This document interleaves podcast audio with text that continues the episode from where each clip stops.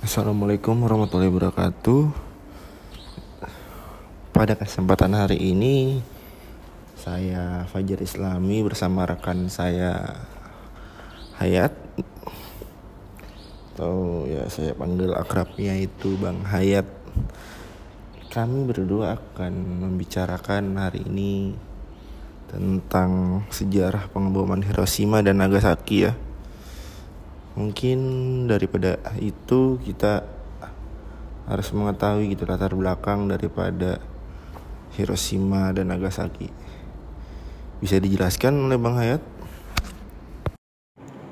Assalamualaikum warahmatullahi wabarakatuh. Terima kasih rekan Fajar. Uh, peristiwa pengeboman Hiroshima dan Nagasaki yang dilakukan oleh Amerika Serikat tentunya tidak dapat kita pisahkan dari Perang Dunia II ya, yang berlangsung kurang lebih enam tahun dari tahun 1939 sampai tahun 1945 karena peristiwa pengumuman itu merupakan bagian dari sejarah Perang Dunia II. Seperti yang kita ketahui bahwa Perang Dunia II merupakan konflik terbesar sepanjang sejarah umat manusia. Perang ini melibatkan lebih dari 100 juta orang di berbagai pasukan militer dan memakan korban 50 juta sampai 70 juta jiwa orang. Perang ini melibatkan banyak sekali negara di dunia termasuk semua kekuatan besar yang pada akhirnya membentuk dua aliansi militer yang saling bertentangan. Yang kemudian uh, aliansi-aliansi ini dikenal dengan blok sekutu dan blok poros. Awal terjadinya perang secara umum disetujui pada tanggal 1 September 1939. Dimulai dengan invasi Jerman ke Polandia yang di mana Uh, dengan invasi Jerman tersebut, uh, Britania Raya dan Perancis menyatakan perang terhadap Jerman. Tanggal lain mengenai awal perang ini adalah dimulainya perang Tiongkok-Jepang, perang yang kedua ya pada tanggal 7 Juli 1937. Di sisi lain, uh, beberapa sejarawan percaya bahwa perang Tiongkok-Jepang dan perang di Eropa beserta koloninya terjadi bersamaan dan dua perang ini bergabung pada tahun 1941. Nah, dari sini kita akan tahu uh, bagaimana awal terjadinya permusuhan antara Jepang dan Amerika Serikat. Saat terjadi perang antara Tiongkok dan Jepang di akhir tahun 1930-an, kebijakan luar negeri Amerika Serikat di Pasifik sangat condong ke arah Tiongkok. Hal ini membuat Jepang tidak nyaman karena saat itu sedang berusaha menduduki seluruh wilayah Cina dari wilayah Manchuria. Kemudian pada bulan Juli 1939 Amerika Serikat mengumumkan uh, penghentian perjanjian perdagangan uh, dengan Jepang. Dari tahun 1940-an Amerika Serikat mulai membatasi ekspor kebutuhan atau bahan-bahan yang berguna dalam perang ke Jepang. Antara bulan Juni 1940 hingga Desember 1941 ketegangan antara Amerika Serikat dan Jepang semakin memuncak. Uh, kemudian pada bulan Juli 1941 saat Jepang telah menduduki seluruh wilayah Indochina dan e, bersekutu dengan kekuatan poros, maka kemudian pemerintah Amerika Serikat memutuskan semua hubungan komersial dan keuangan dengan Jepang. Pasalnya dalam Perang Dunia II, pemerintah Jepang memiliki agenda untuk mengusir negara-negara Eropa yang berpijak di Asia guna mewarisi koloni mereka.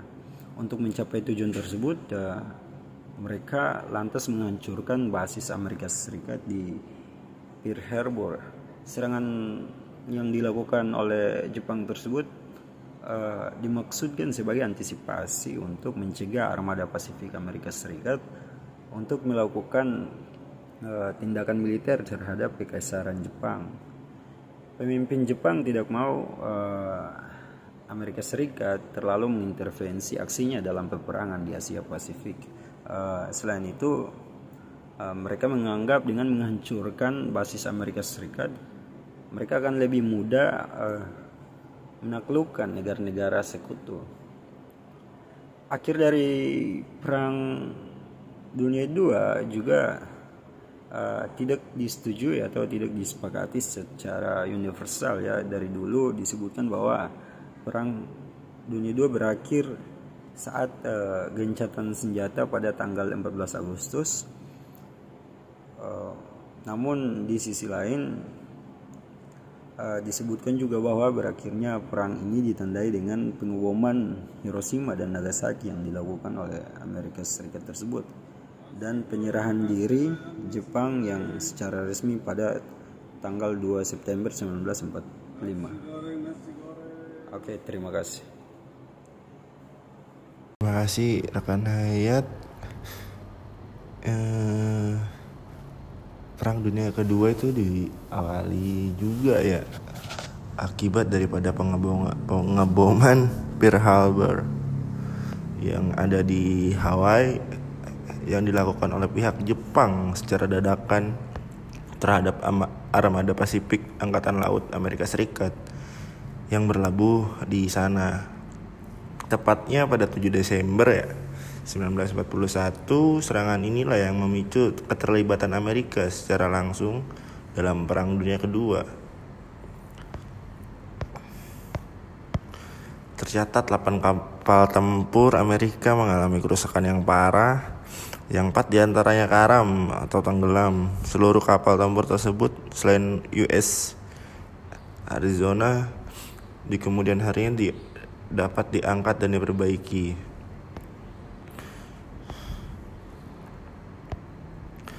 Dampak sesaat yang dialami atas kerusakan tersebut dan penyerangan Jepang terhadap Pearl Harbor tersebut merupakan dalam tempo yang singkat dan sederhana menyebabkan kejayaan gemilang yang melampaui mimpi terbaik perancangnya dan mempunyai sedikit stand yang standing dengan dengannya dalam sejarah ketentaraan pada era apa pun. Iya, di sini Jepang bisa mampu menyerang apa? Menyerang Amerika secara secara langsung dan dadakan atau serangan fajar ya.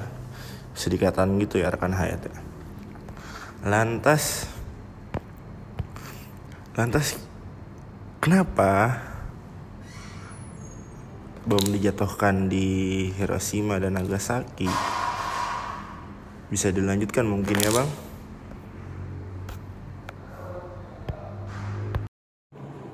Baik, terima kasih. Uh, alasan kenapa Hiroshima dan Nagasaki menjadi target atau incaran oleh Amerika Serikat dalam pengeboman. Nah, jadi setelah pangkalan Pearl Harbor dibom oleh Jepang, Amerika Serikat tentunya tidak tinggal diam. Mereka kemudian uh, membalas serangan itu dengan membombardir uh, kota Tokyo yang merupakan ibu kota Jepang pada saat itu.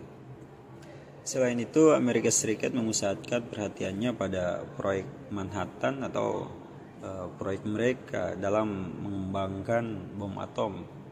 Pada awalnya, beberapa tokoh Amerika Serikat menjadikan kota Kokura, kota Hiroshima dan uh, Yokohama dan Kyoto sebagai target utama karena Tokyo tidak mungkin menjadi target untuk kedua kalinya. Alasannya Kokura memiliki salah satu pabrik amunisi terbesar di Jepang, sementara Hiroshima adalah pusat industri dan markas militer besar. Kemudian Yokohama adalah daerah perkotaan yang menjadi tempat produksi pesawat, peralatan mesin, kapal, perangkat listrik, dan penyulungan minyak, sedangkan Kyoto adalah pusat industri besar. Namun uh, banyak yang tidak setuju Kyoto menjadi target termasuk Presiden Amerika Serikat kala itu yaitu uh, Harry Truman. Dalam salah satu pidatonya uh, Truman menyatakan bahwa sekalipun orang-orang Jepang itu sangat kejam, Amerika Serikat tidak boleh menjatuhkan bom atom di ibu kota lamanya yaitu Kyoto maupun ibu kota barunya uh, Tokyo demi kesejahteraan kesejahteraan bersama.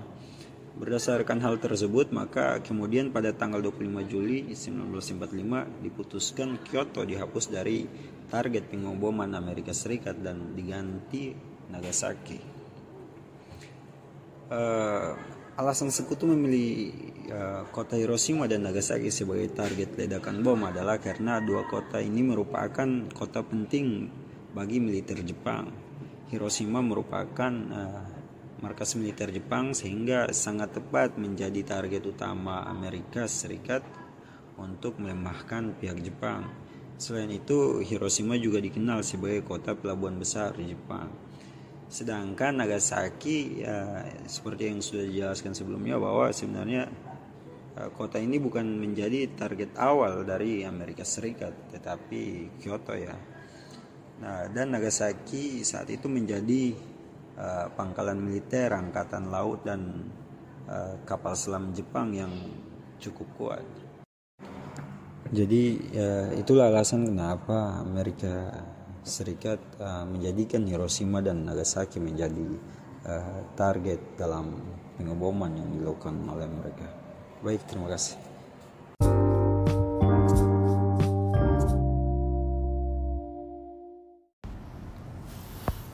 Ya, terima kasih rekan Hayat.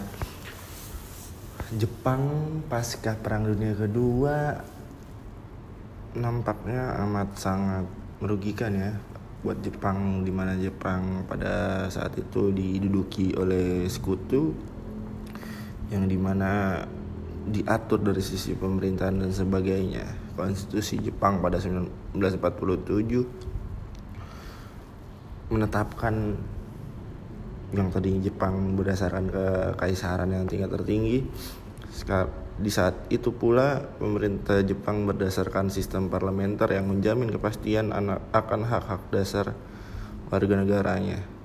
Berdasarkan ketetapannya, Kaisar Jepang berperan hanya sebagai simbol negara dalam dan persatuan rakyat dan menjalankan peran-peran seremonial belaka. Artinya peran daripada kaisar ini amat sangat dikurangi saat itu. Jepang pun saat diduduki oleh sekutu sampai tahun 1952 Jepang setelah itu ber, mulai bertata dari segi politik, ekonomi, budaya, dan hubungan luar negerinya.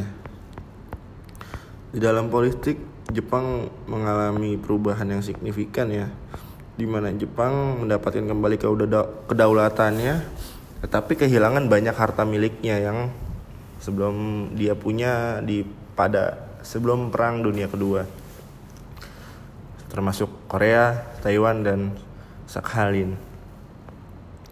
Jepang juga kehilangan itu gitu. Yang seluruh pulau-pulau tersebut dikembalikan kepada perjanjian Marshall atau dikembalikan kepada mandat Liga Bangsa-Bangsa saat itu.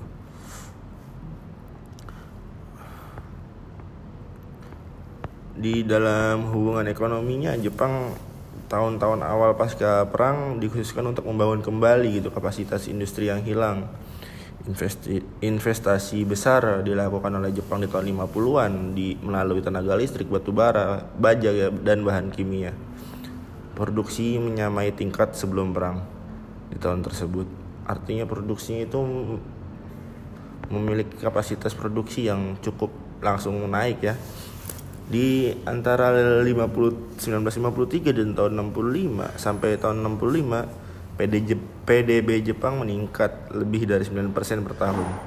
Di sektor manufaktur dan pertambangan sebesar 13%, konstruksi sebesar 11%, infrastruktur 12%, dan pada tahun 65 sektor-sektor ini mempekerjakan lebih dari 41 angkatan kerja, 41% angkatan kerja sedangkan hanya 26% yang tersisa di sektor pertanian. Jepang juga pada saat itu pasca perang mengalami eh, membangun kembali hubungan luar negerinya. Meskipun posisinya sentral di dalam ekonomi dunia, Jepang telah memainkan peran sederhana dalam politik global untuk sebagian besar periode pasca perang. Di tahun 50-an, sebagian besar ditandai oleh Jepang membangun kembali hubungan dengan banyak negara dan mendefinisikan kembali peran internasionalnya. Misalnya bergabung dengan PBB pada tahun 56. Salah satunya redefinisi total tersebut hubungan hubungannya dengan bekas sekutu perang dunia dunia II yaitu Jerman yang ditempatkan pada basis baru pada tahun 55 yang berfokus hanya pada perdagangan saja. Itu sih dari sisi apa sisi ekonominya. Ya Jepang juga membangun dengan Amerika dan negara-negara lainnya dan ya terakhir di Indonesia pada tahun 77 69 sampai 70 lah. Investasi awal Jepang Indonesia juga melalui setelah daripada apa?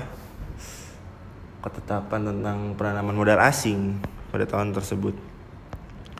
Dan budaya terakhir budaya ini Jepang terus mengalami westernisasi pada era pasca perang yang sebagian besar terjadi selama pendudukannya ketika tentara Amerika memandang umum di banyak bagian negara musik dan film Amerika menjadi populer. Memacu generasi emas Jepang, seniman Jepang dibangun di atas pengaruh Barat. Makanya selama periode tersebut ya Jepang ke barat-baratan dan sebagainya ya sampai hari ini pengaruh Jepang itu ya ya budaya Jepang ya asimilasi daripada budaya Barat dan budaya ketimuran. Yang ya timurnya ya mengalami degradasi saat itu. Itu sih mungkin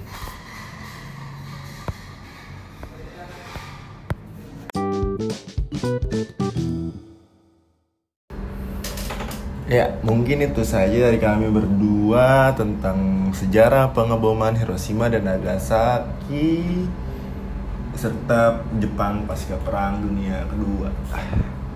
Ya, di akhir podcast ini kami akan memutarkan sebuah lagu perang yang dibuat Jepang namanya apa ya? Bun Takaya. Ya, dengerin aja